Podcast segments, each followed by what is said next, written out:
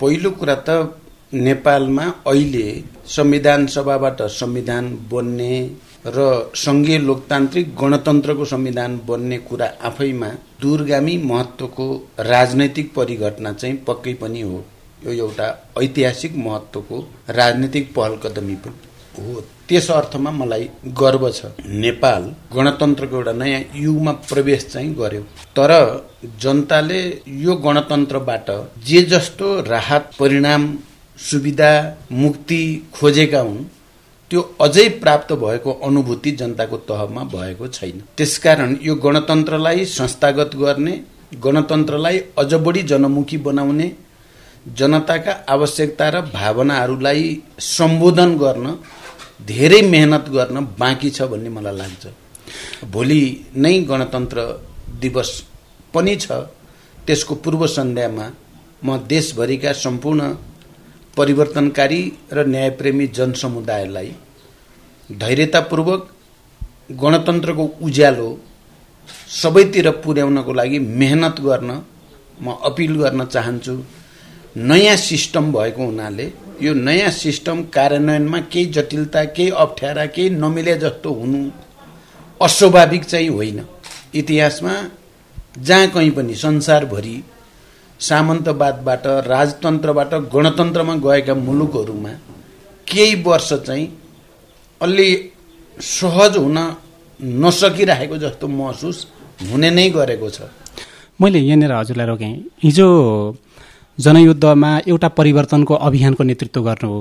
त्यस पछाडि शान्ति प्रक्रियामा आए पछाडि सिङ्गो सरकारको नेतृत्व गर्नुभयो अहिले एउटा पार्टीको जो सरकार सञ्चालन गर्ने पार्टीको नेतृत्वमा हुनुहुन्छ। हिजो तपाईँले जनयुद्धको अभियानमा लाग्दै गर्दा त्यसपछि प्रधानमन्त्रीको कुर्सीमा पुग्दा र अहिले पार्टीका हिसाबले सरकार सञ्चालन गरिरहँदा। तपाईँले अघि भनेको अब केही समय पर्खिनुहोस् गणतन्त्रको उज्यालो आउँछ है भनेर जसरी नागरिकलाई भनिरहनु भएको छ। तपाईँले तपाईँको राजनीतिक यात्रामा कहिलेसम्म त्यो उज्यालो नागरिकले देख्लान् भनेर सोचिरहनु भएको छ? मलाई लाग्छ अहिले हामीले राजनैतिक रूपमा जुन परिवर्तन र उपलब्धि हासिल गरेका छौँ त्यो आर्थिक समृद्धिमा रूपान्तरण र अनुवाद हुनुपर्ने हुन्छ। जनताले आफ्नै घर आँगनमा परिवर्तन सकारात्मक छ भन्ने अनुभूति गराउनु पर्ने हुन्छ।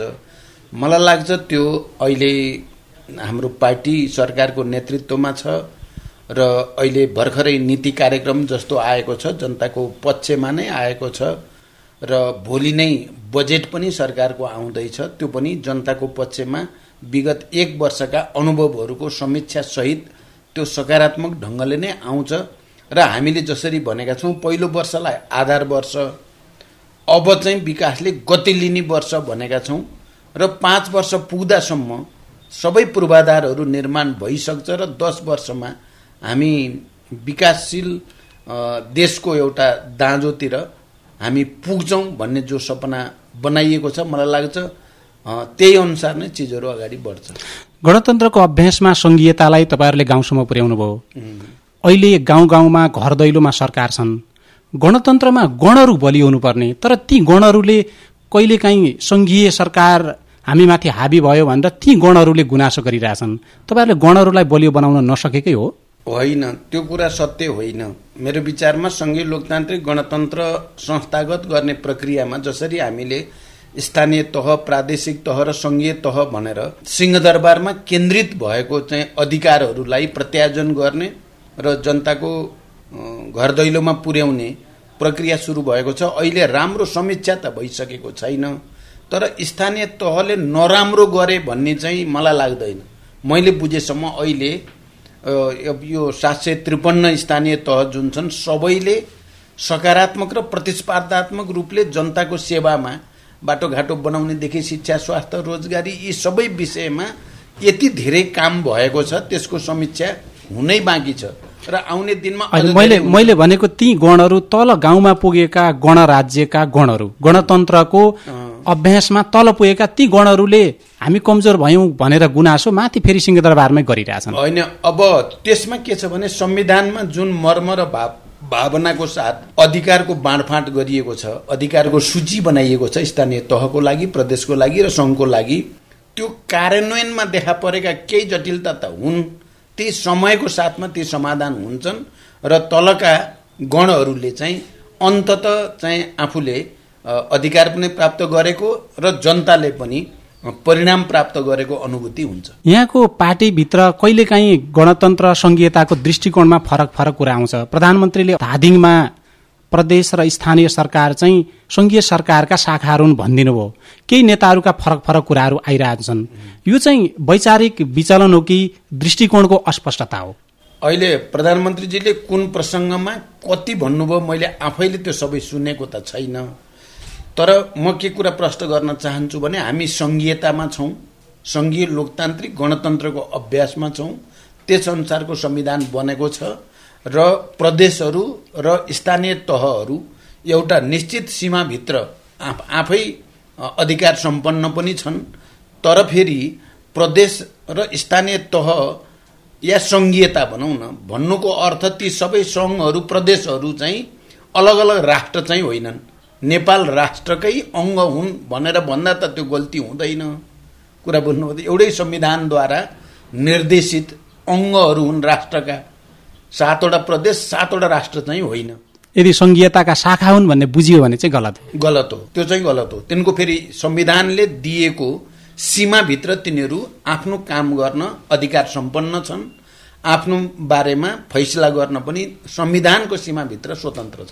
त्योसँग जोडिएको नेकपाको दृष्टिकोण चाहिँ अध्यक्ष पुष्पकमल दाहाल प्रचण्डले जे बोलिरहनु भएको छ बोल्नुहुन्छ त्यही हो। मेरो विचारमा हामीले जुन परिवर्तनलाई जुन रूपमा आत्मसात गरेर अगाडि बढ्यौँ। मैले जे भनिराखेको छु त्यो संविधानको भावना पनि त्यही हो। सङ्घीय लोकतान्त्रिक गणतन्त्रको मर्म पनि त्यही हो भन्ने कुरामा म विश्वस्त छु। तर कहिलेकाहीँ यहाँले गणतन्त्र खतरामा छ भनिरहनु भएको हुन्छ बिचमा सुनियो कतै। कोबाट कसरी खतरामा पर्यो? यहाँलाई कसरी त्यो महसुस भयो खतराको? अब यो प्रश्नको उत्तर चाहिँ अलि लामो हुन्छ। म अहिले त्यतातिर जान चाहँदिनँ। गणतन्त्रमा खतरा एउटा कुनै शक्ति विशेषबाट या व्यक्ति विशेषबाट छ भन्ने मलाई लाग्दैन। यो जनतामा झाङ्गिएर गइ नै सक्यो। संविधान बन्यो निर्वाचन भयो सरकार गठन भए जनताको अपार समर्थन छ। त्यसकारण त्यहाँ अहिले फलानुबाट खतरा भयो भन्न मैले खोजेको होइन। तर यसको अभ्यास गर्ने हामी हामीहरू नै ले त्रुटि गऱ्यौँ भने सबभन्दा पहिलो खतरा त संविधानको मर्म र भावना अनुसार जनतालाई हामीले परिणाम दिन सकेनौँ भने खतरा पहिलो यहीँबाट हुन्छ। मेरो एउटा त्यहाँ छ। दोस्रो हिजो राजतन्त्रमा विभिन्न खालका सहुलियतहरू सुविधाहरू लिएर बसेको वर्ग चाहिँ कहीँ न कहीँ यो असफल भइदिए हुन्थ्यो। भनेर चाहेको छ चाहेको मात्रै छैन त्यसले सकेसम्म चाहिँ खेलिरहेछ। खेलि पनि राखेको छ त्यहाँबाट पनि खतरा हुन्छ। नेपालमा गणतन्त्र कम्युनिस्टहरूको नेतृत्वमा आयो। अझ भनियो भने माओवादी जनयुद्धसँग जोडिएर आयो गणतन्त्र। माओवादी जनयुद्धसँग जोडिएर आयो सङ्घीयता समावेशिता समानुपातिकता। यो चाहिँ प्रतिक्रियावादी वर्गलाई देशभित्र बाहिरकालाई पनि मिठो लाग्दैन। कम्युनिस्टहरूसँग जोडिएर आउने। उनीहरूले नै गरेको भए त त्यसलाई उनीहरूले सहजै मान्थे। कम्युनिस्टको नेतृत्वमा आयो। अझ माओवादीको अझ जनयुद्ध मार्फत। त्यो कुरा स्वीकार्न मन लाग्दैन।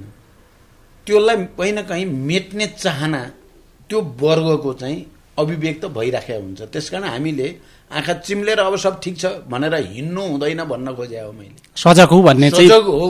सतर्क हुनुपर्छ है। हामी भन्ने अर्थमा मैले यी विभिन्न पक्षलाई विचार गरेर भन्ने हो।